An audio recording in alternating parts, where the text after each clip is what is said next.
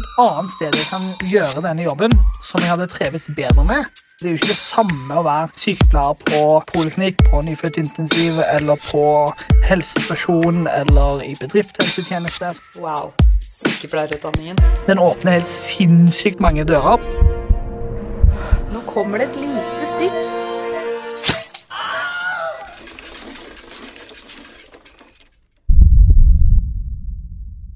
Velkommen til en ny episode av Hjelp jeg er sykepleier. Ukas episode handler om en arbeidsplass innen viktig infrastruktur som vanligvis assosieres med actionfilmer, realityserier, krig og maskulinitet, nemlig militæret. For også her kan sykepleiere jobbe.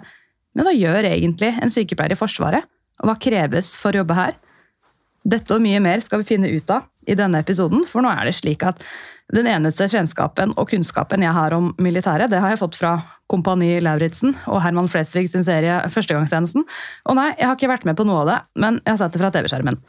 Så da passer det perfekt at jeg i dag skal intervjue en sykepleier som jobber i Luftforsvaret. Velkommen hit, sykepleier, stabssersjant og avdelingsleder Terje Wallstrøm. Takk. Var det riktige titler? Ja. er bra. jeg trodde du var kaptein, vet du. Så, så jeg prøvde å google deg. Så jeg prøvde å google sånn kaptein Terje, men da kom det opp Terje Formoe, altså kaptein Sabeltann. ja, vi har bytta titler. Jeg var det første gang du prata med meg, så var jeg kaptein. Da var du kaptein, ja. Så vi er om, eh, blitt omgradert i det nye systemet. Aha. Ja, dere har jo så mange titler i Forsvaret, så angrer litt på at jeg aldri var i militæret, egentlig. Eh, men den tid, den sorg. Nå får jeg bare snakke om det samme med deg i stedet for. Skal vi kjøre på med tre kjappe? Ja. ja. Hvorfor blei du sykepleier? Tilfeldighet. Påvirka av Jeg traff kona på videregående, og hun påvirka meg til å jobbe med mennesker, som jeg alltid har vært interessert i. Så sånn blei det. Ja. Er hun sykepleier òg, eller? Nei, hun er eh, førskolelærer. Aha. Så dere er begge i hva skal jeg si, menneske, menneskeyrker? Ja. Mm -hmm. Ville du valgt sykepleieryrket på nytt hvis du kunne skru tiden tilbake? Ja, et kjempespennende yrke, men eh, det er jo det at jeg ikke får fulle stillinger stort sett, som jeg er litt sånn litt usikker. Men jeg ravner vel ned på at det er blitt om igjen. Mm. Hva er det beste med å jobbe som sykepleier i militæret? Vanskelig å si. Det er totalbilde av alt. Det er dagtid, det er jo veldig attraktivt. Vi jobber på Vi er ganske liten organisasjon, men vi har mye av de samme oppgavene som sivile, så vi får vært borti veldig mye ifra planarbeid, jobbe med pasienter en dag, til å skrive, være med på øvelsesplanlegginger, reise rundt og støtte, for vi er jo over hele Norge. Mm. Ja, jeg har jo skjønt det. Jeg har prøvd å google litt, og så mange forskjellige avdelinger det er i Forsvaret, så mye man kan gjøre. Det er nesten som man kunne hatt en egen podkast som het Hjelp, jeg er sykepleier i militæret. Kunne man snakket om alle de forskjellige greiene der. Gått litt i dybden, ja. ja. Eh, så denne her episoden blir jo litt sånn i, i, bredden, litt sånn overskriftsmessig, men så skal vi prøve å spisse oss litt inn på Luftforsvaret der hvor du jobber, da. Mm. Uh, ja, Luftforsvaret, du Var det Rygge du jobber? Ja. Kan ikke du fortelle litt om hva Luftforsvaret er? Det ligger jo litt i ordet, det har noe med luft, uh, lufta å gjøre. Men er det, flyr dere bare rundt i helikopter hele dagen, eller fly, eller hva? Ja, fortell litt om Luftforsvaret. Hovedoppgaven er jo at uh, Luftforsvaret skal forsvare Norge og luftrommet til Norge. Uh, og de som driver med det, de trenger da støtte av forskjellige kategorier for å få fly helikoptre til å virke. Så derigjennom er også da et sanitetselement som skal de i det daglige passer på at eh, soldater er friske og får den hjelpa de trenger, og også de som er ansatte, da, som er flyvende personell som jobber om bord på helikoptre og flya våre. Mm. Kort fortalt. Så dere har en base på land, og så har dere masse forskjellige luftfartøy? Ja, de er jo spredd over hele Norge, de forskjellige flytypene vi har. Og der er det jo da både med å ha hele støtteinfrastrukturen rundt seg, som da sanitet er en del av, da. Mm. Jeg har jo sett på um, denne TV 2-serien eh, Reddet, eh, med disse redningsmannskapene som flyr disse SAR Queen-helikoptrene. Da ser jeg innimellom så står det Luftforsvaret på de. Har dere sånn redningsmannskap som kan hjelpe til ute i den norske fjellheimen hvis ja, kriser skjer, selv om det ikke nødvendigvis har noe med krig å gjøre? Ja, 330 som flyr da disse SAR Queen, de har et sivilt oppdrag å, å støtte det sivile med hente personell til fjells og til havs spesielt. Eh, det er vel det den driver med, og da er det jo personell som har eh, Sykepleiere kan de være, ambulansearbeidere, og så er det leger om bord når de er ute på sånne type oppdrag. Spennende. Har du vært med på det? Nei, det har jeg ikke. Nei. Vi kommer tilbake til hva du har vært med på litt etter hvert. Men ja, eh, hvor lenge har du jobbet eh, i Forsvaret, egentlig? Eh, det har blitt litt sånn til og fra mellom studiet jeg begynte i Forsvaret før jeg tok sykepleien, og så jobba jeg en del år sivilt mens jeg har vært innom Forsvaret i ny og ne. Så totalt så har det blitt i Luftforsvaret starta jeg i 2016 igjen, da. Mm. Så det er blitt noen år etter hvert. Ja, Hva fikk deg til å velge akkurat Luftforsvaret? Tilfeldigheter. Ja. Det var ledig jobb. Rett og slett. Um, driver dere med fallskjermhopping og sånt òg? Nei, det er ikke så mye i Luftforsvaret, egentlig. Det er til spesielle avdelinger som driver med i Forsvaret. Mm -hmm. Så mhm. Luftforsvaret har eh, De transporterer dem selvfølgelig opp i lufta, og så er det Så vi er en del, men eh, det er, ikke, det er ikke det vi driver med. Nei. Har du prøvd å hoppe fallskjerm? Nei, jeg har høydeskrekk, så det oh, ja. Jeg har faktisk gjort det. Tandemhopp, da, så jeg trengte ikke å gjøre så mye, men det var en ganske kul opplevelse. Ja, imponerende. Fyllesyk var jeg òg. Det, var egentlig ikke lov, men jeg jugde litt på det skjemaet. Har du drukket alkohol de siste 24 timene? Nei, nei, nei. Ja, kanskje jeg må prøve det igjen en dag. Men uh, stabssersjant, hva er det? Eh, det er eh, Vi har forskjellige grader i noe som heter other ranks. Før så hadde vi bare et offiserskorps. Nå har vi splitta det i to, sånn at vi er mer likt Nato-strukturen. og Sånn at eh, England, USA, Tyskland sånt har da noen som er sersjanter, karriere med det, livslang karriere på det. Og da er jeg da ca. midt på treet av de forskjellige gradene du kan bli innenfor de som ikke er offisersutdanna. Men du har en lederstilling? Ja, eh, på faglinje så styrer jeg litt med sanitetens utdanning i Luftforsvaret, og følger opp også sykepleieren i praksis da i, eh, i Luftforsvaret. Så du gir opplæring til sykepleiere på din avdeling? Nei, jeg er en mer kravstiller for hva de skal ha og kunne gjøre sammen med Forsvarets sanitet, som er den store organisasjonen i Forsvaret på dette. Så for Luftforsvaret så følger jeg opp den biten, da. Hva er en vanlig dag på jobb for deg? Det er mye kontorarbeid. Eh, og eh, noen ganger så planlegger vi oppdragskravstiller når vi f.eks. får eh, Nato-land inn i støtte på øvelser og sånt nå. Hva trenger man da luftvingene trenger å planlegge med? Altså de som eier basene der de utenlandske styrkene kommer og skal være og bosettes hva de trenger, hva har de, og hva, hva kan det være forskjellig. Eh, andre ganger så er jeg med på øvelser og utdanner sanitetssoldater. Eh, til og med være med, sånn som under covid nå, så måtte vi være med og faktisk også vaksinere militært personell rundt omkring i Norge. Var det en nettartikkel om det? Det kan godt hende det har vært. Jeg, jeg prøvde å google det, så jeg fant svært lite. og tenkte, Han er litt sånn hemmelighetsstempla siden han jobber i militæret. Her var det lite å finne. Den artikkelen jeg fant, da måtte jeg også betale, så jeg fikk ikke lest den. Oh ja, Tilfeldigheter. Eh, vi støtta på Madla annet, ved et innrykk der i, i, løpet av covid. Jeg husker ikke om det var Jo, det må ha vært i fjor, kanskje. Hvor vi var eh, ganske mange da skulle vaksinere hele innrykket på ja, oppimot 1000 stykker, tror jeg det var.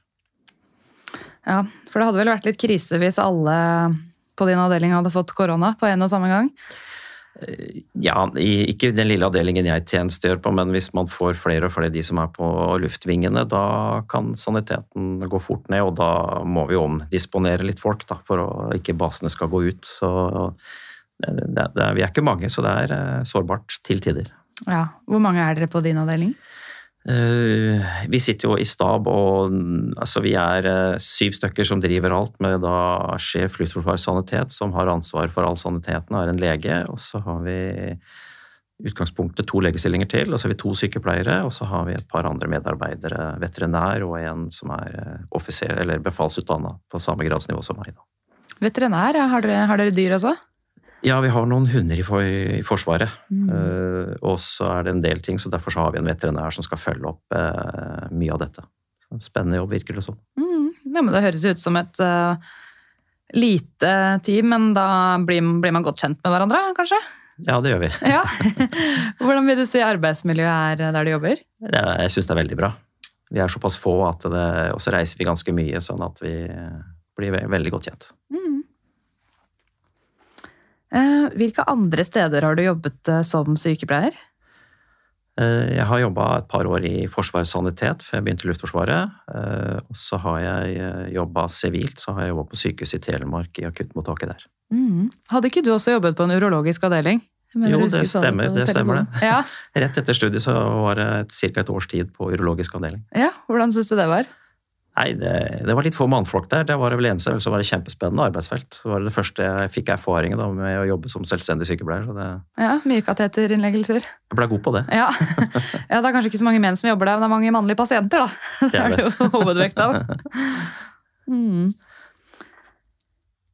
Kan du fortelle litt sånn overordna om militæret? Altså, vi vet jo at det er til å, for å håndtere krig og kriser, men hva mer gjør man, og si litt om de forskjellige avdelingene? Litt om blanda spørsmål. Eh, kan du egentlig ta det en gang til? Jeg... ja, hva var det egentlig spurte om? Vi kan ta det ene. Kan du fortelle litt sånn overordnet om militæret og de, de forskjellige avdelingene? Altså, det er jo Luftforsvaret, Sjøforsvaret, ja, hva mer? Ja.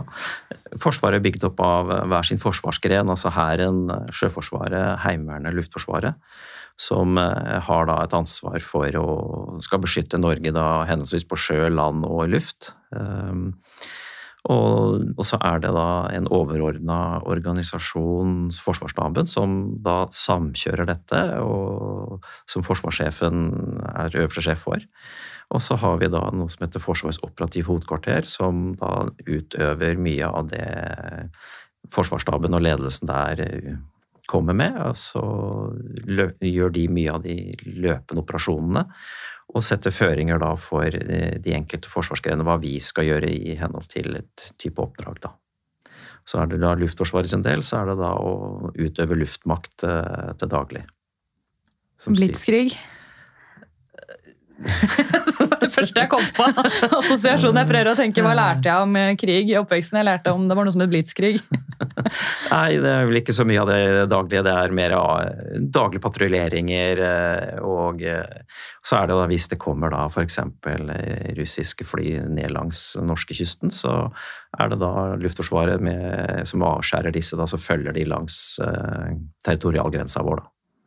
Ja, jeg kan jo tenke meg at i disse dager må man være oppmerksom på både russiske fly og kanskje kinesiske spionballonger. Som man har hørt litt om i mediebildet i det siste.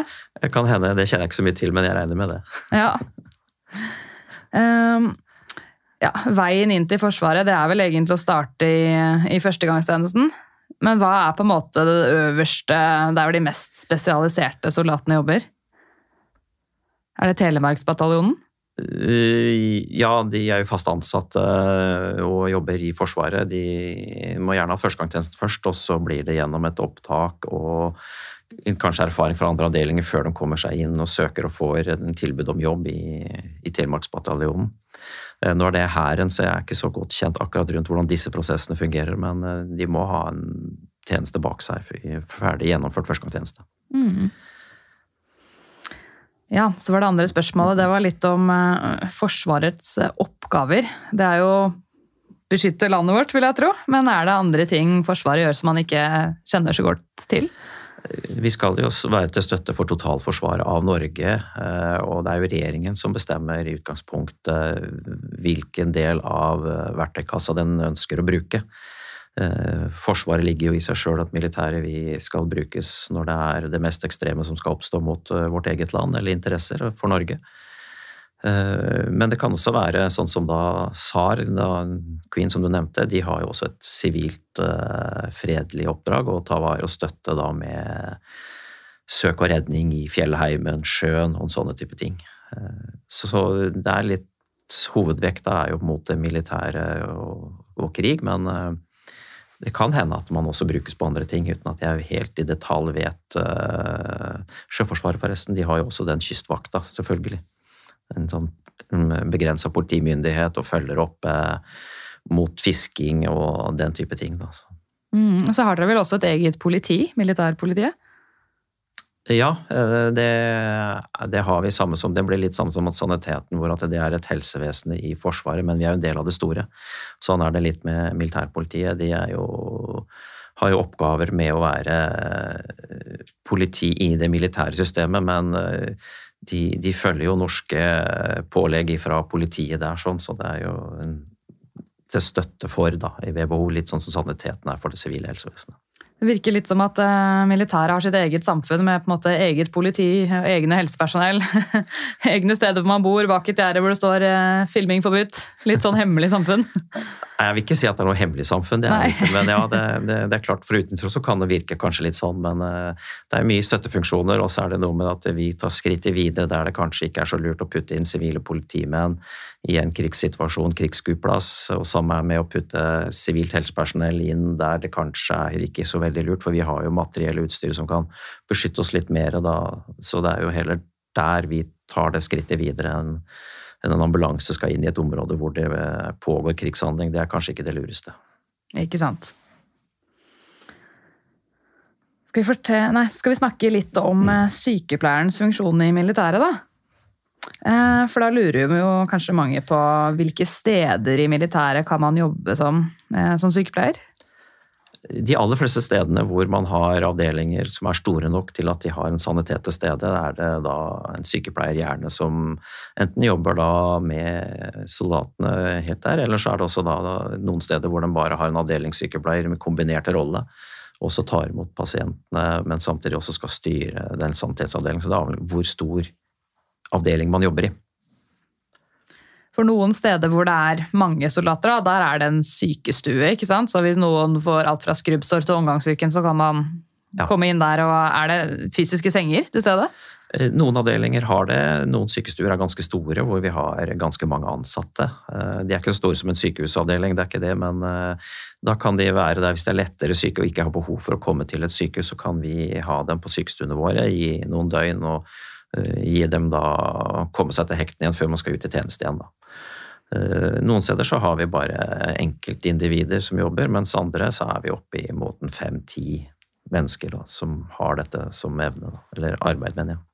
For er det sånn at På noen baser så er det på en måte en fast sykestue, mens hvis man er ute på, ute på felten, da, så kan man sette opp et slags sånn lite pop-up feltsykehus?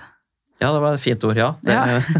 det kan du godt gjøre. Det er ofte så, sånn for Luft sin del, så er det Vi er jo ganske stasjonære på luftvingene våre og basene der vi er, hvor vi har sykestuene. Og så skal man ut på en øvelse, så kan man ta med telt og gjøre de samme tinga inni dette teltet, da. Når du sier luftvinge, er det fly? Eh, nei, beklager, det er basene der vi tjenestegjør. Vi kaller det luftvinger. Hæren kaller det garnisoner. Sjøforsvaret baser, så det er der vi er stasjonert, våre personell, hvor er gjerne en flystripe og noen, noen fly er til stede. da, Det er en luftving, da. Ikke sant, da, da ser jeg det litt mer på Vi snakker litt forskjellig språk ut ifra hvor man jobber.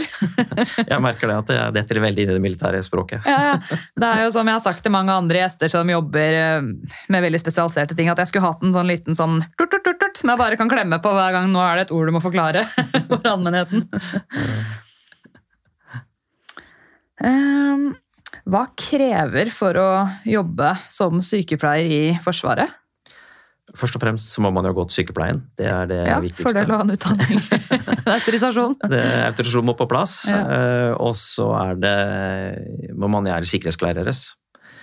Det er en prosess som eh, da gjøres uh, før man får tilbud om, om jobb, da. Uh, og så er det fysiske krav må og medisinske krav som man må bestå. Eh, fysiske kravene er ja, er man godt, liker å trene, er glad i å bevege seg, så klarer man de fysiske kravene for eh, minstekravene for å få jobb, men det er avhengig av hvem avdeling man søker til jobb i. Telemarksbataljonen er det hardere krav enn f.eks. på den stillingen jeg sitter i en stab per i dag. Eh, så, så det er litt avhengig hvor man ønsker å søke og hvor man ønsker å jobbe. For da må man tilfredsstille minstekravene til den spesielle avdelingen man ønsker å jobbe i. Men det kan være sånn krav som at du må løpe så og så langt på så og så kort tid, svømmekrav, styrkekrav. Kan det være sånne type krav noen stillinger? De fleste stillingene har det. Minimumskrav så skal du løpe en 3000 meter, eh, og så skal du henge, ta hangups, og så er det stille lengde og medisinsk ballkast. Eh, som skal tas. Og så er det I tillegg så kommer da det medisinske kravet, da, at man ikke har uh, gitte type sykdommer som da er standardisert, hvor man ikke er egnet til å kunne jobbe i Forsvaret. Da. Husker du hvilke sykdommer det er som man ikke kan ha? Nei, det, det, er graden av mye. Man kan det meste gå for så, for så vidt. Så er det avhengig av type stilling. Igjen er man på litt disse avdelingene som er veldig mye ute i felt og sånt, og så er det annerledes enn for meg som sitter i stab her i dag. Eh, men det er, eh, allergi kan jo være at eh, noen bruker litt for pollensesongen og ikke noe mer, og er ikke plaga med det, mens andre må gå på allergitabletter og virker ikke hverdagen. Så det er veldig avhengig av hvor plagsomt det er, da. Det er Men er det et krav at man må være helt fri for medisiner? Nei, ikke nødvendigvis. Nei, Så bra. For jeg tror at En av grunnene til at jeg ikke kom inn i førstegangstjenesten Den gangen så ville jeg ikke heller, da, for jeg var en lat jævel og ville bare sove så lenge jeg kunne. Men jeg hadde jo den gangen epilepsi og gikk på medisiner for det. Nå gjør jeg ikke det lenger, så jeg bare lurer på om jeg hadde kommet inn nå vet jeg ikke. Jeg kan ikke den boka til regelverket til fingerspissene, for det er sånn leger som tar den vurderingene, så mm. er, jeg vet rett og slett ikke. Nei. Vet du hvor mange hangups man må klare da? For det er jo alltid litt sånn eh, den delen som ofte er vanskelig for kvinner. da. Man kan være sterk i mye, men akkurat hangupsene er det mange som sliter litt med. Ja, det, det er forskjellige måter å gjøre det på, og så er det aldersavhengig, og igjen også litt type avdeling man vil inn i. Så det er ikke Jeg vil si at de fleste sunne, friske ungdom, kvinner, vil kunne klare det. Må man kunne henge-ups for å jobbe i Luftforsvaret som sykepleier? Ja, det er standard minimumskrava som vi har, som du må kunne. Men, men, det er forskjellig fra å være mann og kvinner hvordan man tar de hangupsene. Ja. Jeg har ei venninne som for noen år siden søkte seg inn på Politihøgskolen. og Da var det jo sånne typer fysiske krav. Og hun var litt sånn, jeg tror ikke jeg klarer de Det var noe hun ikke var sikker på om hun klarte, men så kom korona. Og så fikk de ikke lov til å vise det, så hun måtte bare skrive under på papir. Ja, ja, jeg kan Og så gjorde hun det, og nå er hun snart ferdig utdanna. Ja, så bra. Ja, så korona, altså fordeler og ulemper med det òg.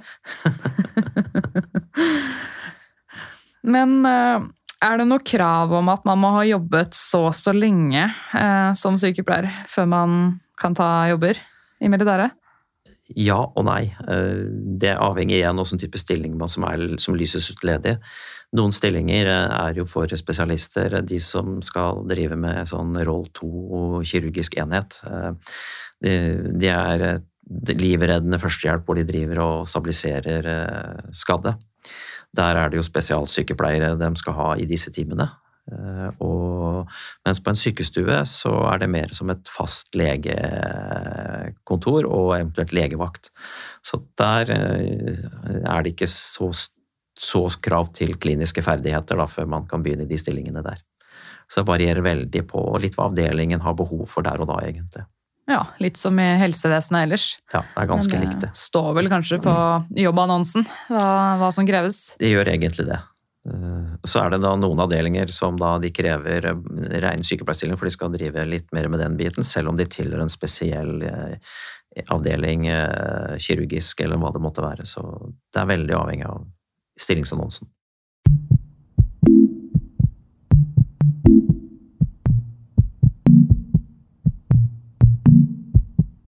Hvis man skal jobbe med kirurgisk sykepleie som eh, sykepleier i militæret, har man egne operasjonsavdelinger, eller er det sånn man da gjør hvis man er i utlandet? Eh, det er beregna også for å bruke i Norge. Man kan sette det opp i hus eller et telt, hvor man kan da operere om er et kirurgisk team som er drilla sammen. Så, så, er det litt avhengig av oppdraget hvor man gjør det, og det er også samme type team som eventuelt kan reise ut i internasjonale operasjoner. Jeg bare tenkte på sånn, oi, et pop-opp-telt med operasjonsstue. Åssen får man strømforsyning da? Til medisinsk-teknisk utstyr? Eh, det er eh, eventuelt med aggregater. Aggregat, eller så kobler man seg gjerne tett opp mot en strømkilde, et hus i nærheten som kan brukes delvis eller ikke. Så det, det er mange forskjellige hvordan man kan løse dette. Spennende. For jeg bare jeg ser helseforetakene på en side bruker mange mange år på å diskutere hva de skal gjøre for å bygge et nytt sykehus, men dere kan på en måte bare sette opp en operasjonsstue med et telt på 1, 2, 3. Det er ganske fascinerende. Ja, Nå vil jo ikke det kanskje holdt i år etter år i all slags vind og vær, men, eh, men det går an, da.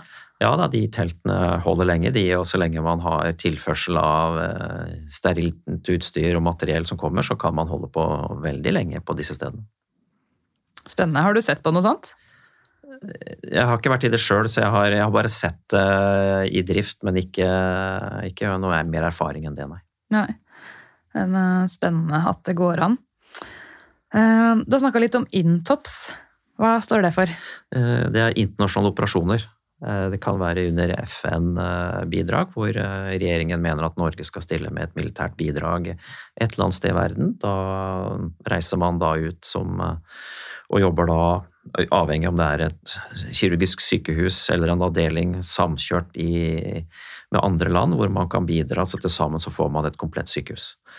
Eller så kan det være mer som en sykestue som reiser ut, sånn som vi har på basene våre rundt om i Norge. Blir, eh, da får de gitt oppdrag der ute for å være til støtte for det militære norske personellet der ute. Har du vært med på noen sånne oppdrag i utlandet? Jeg har vært en uh, kort tur i uh, Afrika, i Mali, og så har jeg vært uh, en tur i Afghanistan. Kan du fortelle litt om det? Starte med Afrika, da. I Afrika ja. så hadde vi et lite bidrag der ute hvor det var et lite sanitetselement. Sånn, så da blei vi som et fastlegekontor og legevakt for det. Det var en liten avdeling, så man blir jo godt kjent med hverandre, og man går litt i en sånn her boble hvor man Du får ikke så mye inputs av hva som skjer utenfor egentlig gjerdet der man er. så så det er, det er, en spennende opplevelse for å forandre, litt forandring fryde fra hverdagen, da, både på et sykehus i Norge, eventuelt eh, fra daglig jobb i Forsvaret. Mm. Og Afghanistan, hvordan var det der? Der var, eh, der var, vi, var jeg i, eh, i Mazar e Sharif og hadde noen få oppdrag ut hvor jeg var eh, første medic på panserambulanse. Så vi kjørte da kolonner fra en by til en annen. Og var da beredskapen for de som var med i kolonna, da, hvis det skulle være et eller annet oppstå sykdom eller at man ble skada. Så skulle vi da kunne gjøre det og behandle og hjelpe til ifra den panserambulansen vår. Og hva slags type skader er det dere måtte behandle da? Ja, det kommer jo an på. Det er, det er som i Norge. Folk skader seg alt mulig rart. Tråkker man over hvis du er ute og går eh, på en patrulje, så er det greit å få litt behandling. Til verste fall at det er en eh, skading med splint eller skuddskader, eller avhengig av om man blir, kommer inn i en trefning, da. Mm. Hendte dere at dere måtte lage sånn, hva heter det, turniké? Er det det heter? Sånn ja, jeg har aldri brukt Jeg har jo faktisk gjort det på sykehus. Ja. I, men jeg har ikke gjort det i forsvarssammenheng. Ikke sant. Men disse pansrede ambulansene, er det biler, eller er det tanks med litt ekstra god beskyttelse rundt? Det er, ja, det er eh, Kall det gjerne mer enn en lastebil. Det er ja. en stort kjøretøy, um, hjulgående, i, for den norske del. Og så er det en, det er en som heter PASI. Også SISU eh, er de forkortelsen på disse kjøretøyene. Så de er pansra opp til et gitt uh, beskyttelsesnivå, som da gjør at du kan følge på tett opp i de man skal støtte, da. Så det er svære, tunge kjøretøy på mm. ja, 15-25 tonn, litt usikker på hvor uh, tunge, men det ligger rundt der. Det skal tåle en støyt? Ja. ja. Eh, behandler de da mennesker på innsiden av disse store lastebilene? Eller setter man opp telt på utsiden av de? Situasjonsavhengig eh, hva man gjør, egentlig. Eh, så det er begge deler, egentlig. Men man tilstreber å ha kortest mulig avtrykk på bakken, avhengig av situasjonen, da. Mm. Men skal man jobbe som sykepleier på et sånt sted, da regner jeg med man får våpentrening? Ja, du, du, får eh, trening i de militære ferdigheter, sånn at du kan kunne løse oppdraget på en trygg måte og være til støtte hvis det skulle oppstå sår og skadede, så må du kunne ta vare på deg sjøl og pasienten. Ja, Så da kan man fyre av ild eh, hvis man må, hvis det er nødvendig for eh, å forsvare seg selv? I, I, verste fall så må man eh, kunne gjøre det, ja. ja. Det er jo det siste, Når saniteten må det, så er det som regel siste utvei. Ikke sant. For er det sånn at selv om man er ansatt som sykepleier, så er man også en soldat? Du er først og fremst soldat. Du er først og fremst soldat, ja. ja. Så du må kunne de militære ferdighetene avhengig av avdelingen man jobber i. Og så blir det da de sykepleie-kliniske ferdighetene ved siden av, da. Ja. Nå glemte jeg å spørre om må man ha tjenestegjort før man får en sånn type sykepleierjobb? Det, det, avhenger veldig. Noen ganger så rekrutteres det fra det sivile, men man prøver gjerne å få folk fra Forsvaret først. Og så får man ikke nok folk eller kvalitetene, så, så rekrutteres de også fra sivilt. Så jeg tror det er eh, litt avhengig av tid og sted og anledning hvor ingen i Forsvaret har mulighet, så må man på det sivile og motsatt. Så det er store muligheter når man får opptreninga man skal i forkant før man skal ut. da. Hvor lang er opplæringen? Det varierer veldig fra oppdrag til oppdrag. Eh, noen ganger så er det Skal man bare være inne, for et leirgjerde og ikke ut og kjøre, så er det gjerne litt mer fokus på syke, sykepleierferdighetene. Men skal man ut og kjøre mye, så må man også ha en del militære ferdigheter, og da blir også treninga lenger. Men før man skal ut på et sånn internasjonalt oppdrag, får man trening i form av simulering, caser, sånne ting? Ja, det, du, får, det, du, får, den treninga du skal, både på de militære ferdighetene med øvelser og case-trening der, og så får du også da det også litt eh, på sykepleierfaget, da, samkjøring med personellet rundt, da. Mm. På, Vi snakket jo på telefonen for noen uker siden så snakket vi litt om det å være i saniteten, det å være en medic. da, fordi det, Man kan jo også være medic selv om man ikke har utdanning som sykepleier. Ja. ja. Hva blir da forskjellen på hva en medic kan gjøre og hva en sykepleier kan gjøre? Eh, største forskjellen er at vi har, sykepleiere har en autorisasjon i bånn, eller offentlig godkjente, mens eh, de andre er eh, opplært i Forsvaret på og var de gode i akutt førstehjelp, den biten der sånn, så er det egentlig da gode på, og kanskje bedre enn mange sykepleiere også, i, dette med Eh, behandling på et skadested, første til stedet, gjøre de rette tiltakene. Og så kommer da sykepleier og lege litt lenger bak i kjeden og, og driver litt mer stabiliserende behandling. Men aller, aller første så kan det hende at det både medikene og dems støttepersonell er bedre enn hos autoriserte. Det er interessant å høre, for det er jo aldri sånn man sier ellers. det er vel For NSF så er vel å banne i kirka. Vi må jo være ærlige og si det ja, som det er òg, selv om det er mange dyktige sykepleiere i akuttmedisinske verden. Men uh, akkurat den fremste biten der i, en, uh, i sånne situasjoner, så er, kan de være vel så dyktige der. Uh, for de drilles veldig godt på sånne Stoppe blødninger, sånne type ja. ting. ikke sant? Finne ja. skade på kroppen. Ja, og så blir de taua bakover til eh, hvor da sykepleiere og leger kan være til stede. og Da overtar vi og med, men da har vi gjerne litt bedre tid enn akkurat den første fasen, hvor det er eh, litt skummelt å kunne være da, gitt situasjon. da.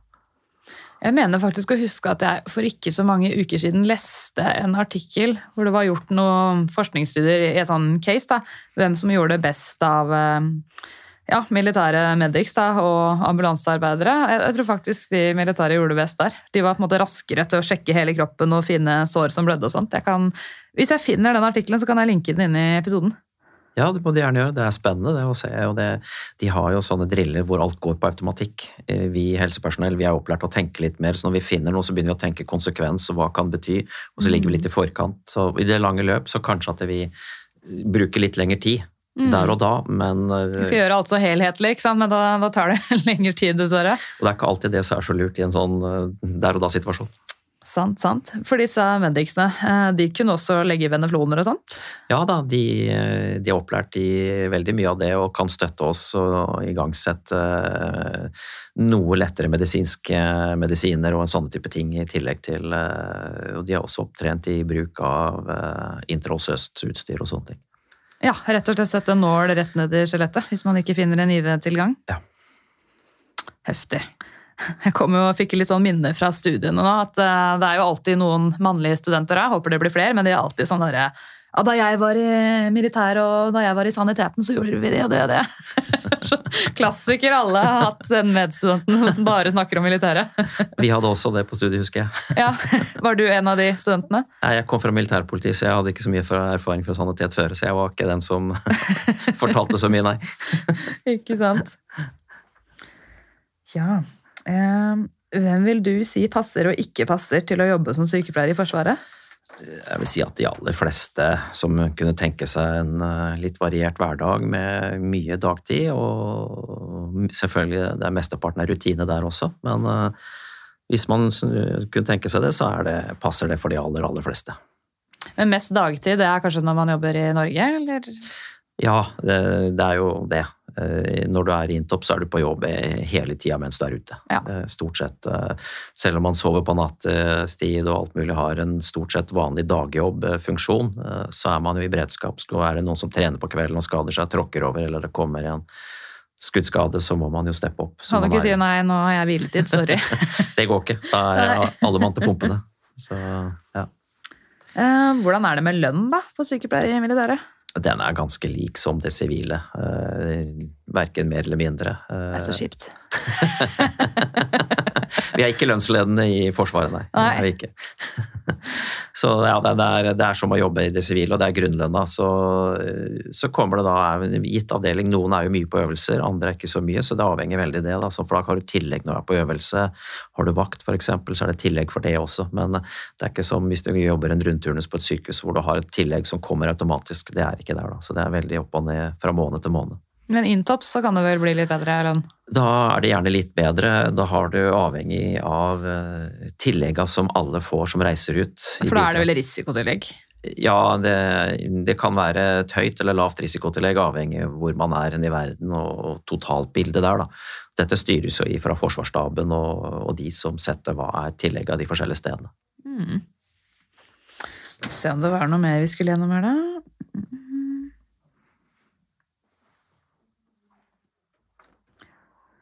Er det noe mer du har lyst til å fortelle om før vi begynner på spørsmål fra podkastens publikum? Kommer ikke på noe i farta. Nei? Skal vi bare kjøre på, da? Mm. Ja. Er det mulig å ta sykepleierutdanningen via Forsvaret, eller må man søke seg inn på en ordinær høyskole slash universitet som alle andre? Ja og nei. Eh, Det vanligste er at man får eh, søker på et sivilt skole og tar det sivilt, og så begynner man i Forsvaret. Det er stort sett det de fleste har gjort. Men det er ordninger som eh, med varierende tid og års mellomrom, hvor man lyser ut studieplasser for å ta studiet gjennom Forsvaret. Rett og slett. Er det krav om medic-modul for å jobbe som sykepleier i Forsvaret? Først og fremst, hva er medic-modul? Den er, helt, den er ganske standard, men ikke helt standard fra de forskjellige forsvarsgrenene, så det er litt vanskelig å svare på, men det er en videreutdanning fra grunnleggende sanitetsferdigheter. Så får man bli eh, litt mer spesialisert innenfor sanitet. Så er det en medic-modul, da. Den kan variere fra noen dager til en uke eller 14 dager ekstra. Og det er ikke noe krav til det i alle stillinger. Det er, igjen så er det hvem avdeling man søker til, men eh, det er ikke, det er ikke noe absolutt krav. Nei, det er kanskje en fordel. Kan være en fordel, ja. En Medic-modul det er kanskje det de har, de som jobber som medics, da, som vi snakka om i stad, de som er først på stedet og jobber så fort og bra. Stort sett så er de utdanna i det, ja. Ja. Kan man som sykepleier jobbe seg oppover den militære range? Ja, det er jo et hierarki der som det er eh, ellers i helsevesenet. Ja, eh, det, det er jo rangstigen, som vi kaller det. Den, eh, det er jo, man kan gå både offiserssøylen og eventuelt da other ranks da, i OR-søyla, som vi sier for kort. Eh, Det er, da må man ta de kursene som man må ha, og jobberfaringa for å søke seg, kvalifisere seg og søke seg til neste grad på, på stigen. Da. Det, så det, det jo kjøres jo og styres av, helse, nei, av HR-avdelingene i de enkelte forsvarsgrenene.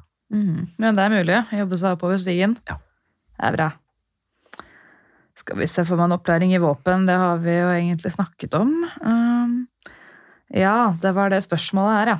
Blir sykepleiere i Forsvaret utsatt for mangel på folkeskikk i anførselstegn i like stor grad som de unge kvinnene i førstegangstjenesten? Altså her regner jeg med at de refererer til det som har vært på, nylig på Debatten, det som har vært mye i media om at det er en del seksuell trakassering mot unge kvinner i førstegangstjenesten. Eh, Bli, vet du om sykepleiere blir utsatt for det i samme grad? Jeg vet ikke, Jeg har ikke hørt om noen tilfeller eh, innenfor eh, Luftforsvaret som jeg kan svare for. Det vet jeg ikke. Nei.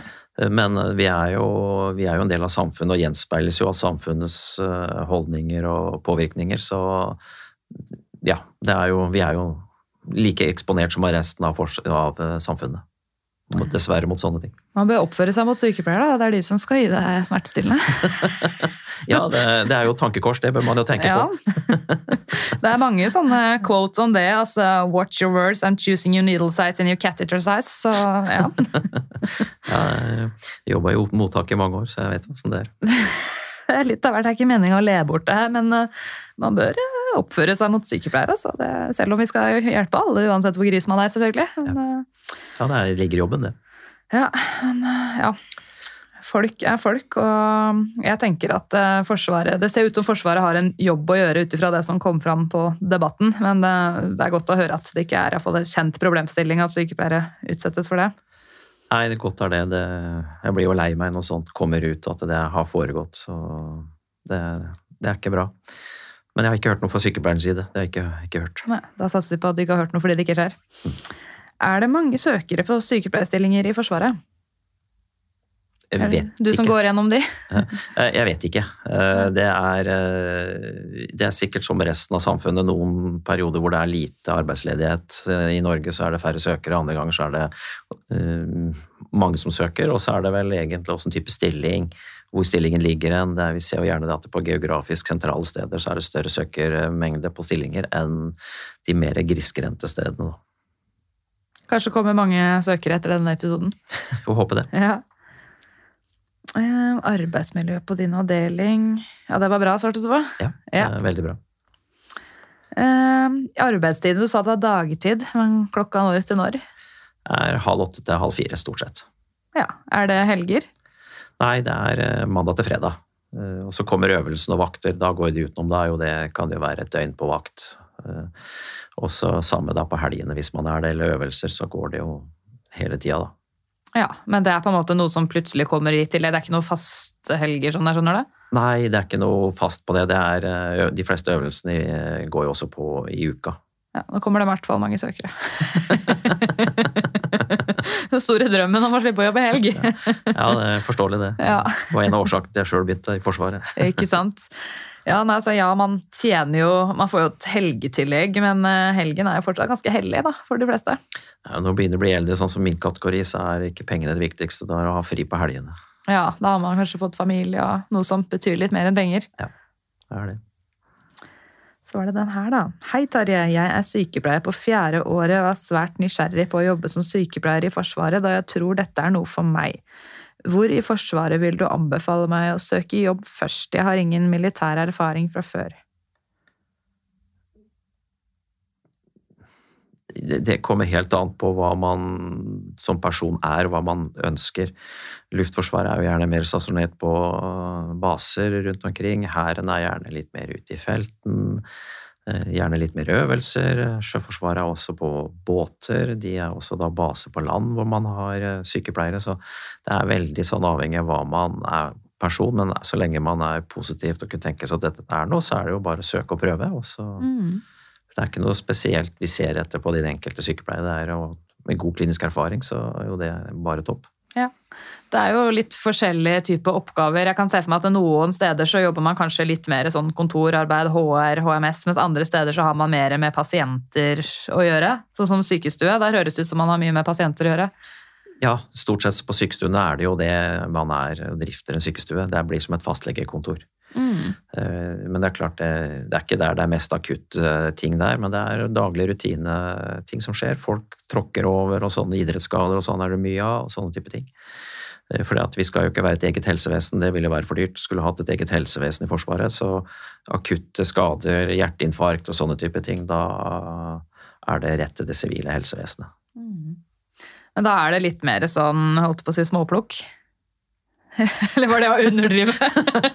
ja, det, ja det, det, stemmer nok det, ja. I forhold til, kan du si, en uh... Altså på en sykestue?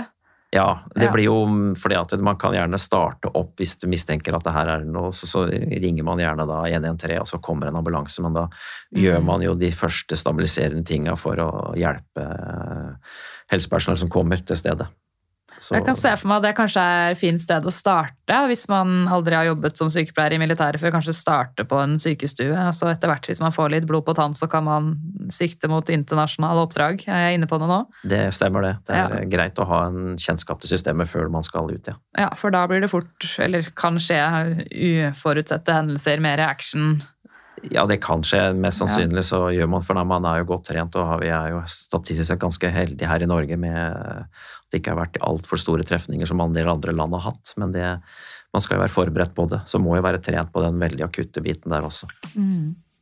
Ja, men Dette virker veldig spennende, så sier jeg bare tusen takk for at du kom og gjesta podkasten min, Terje.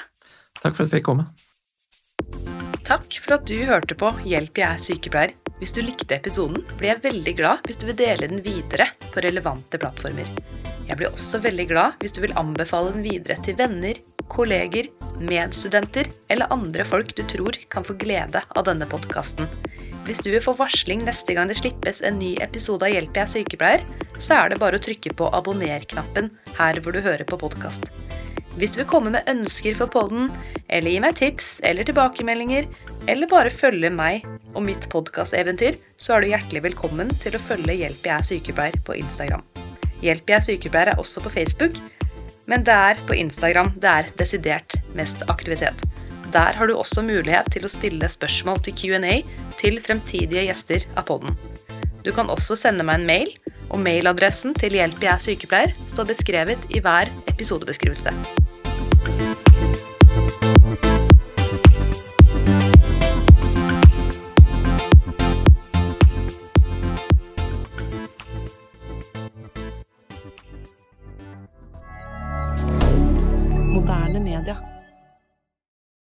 Har du et enkeltpersonforetak eller en liten bedrift? Da er du sikkert lei av å høre meg snakke om hvor enkelt det er med kvitteringer og bilag i fiken, så vi eh, gir oss her, vi. Fordi vi liker enkelt. Fiken superenkelt regnskap.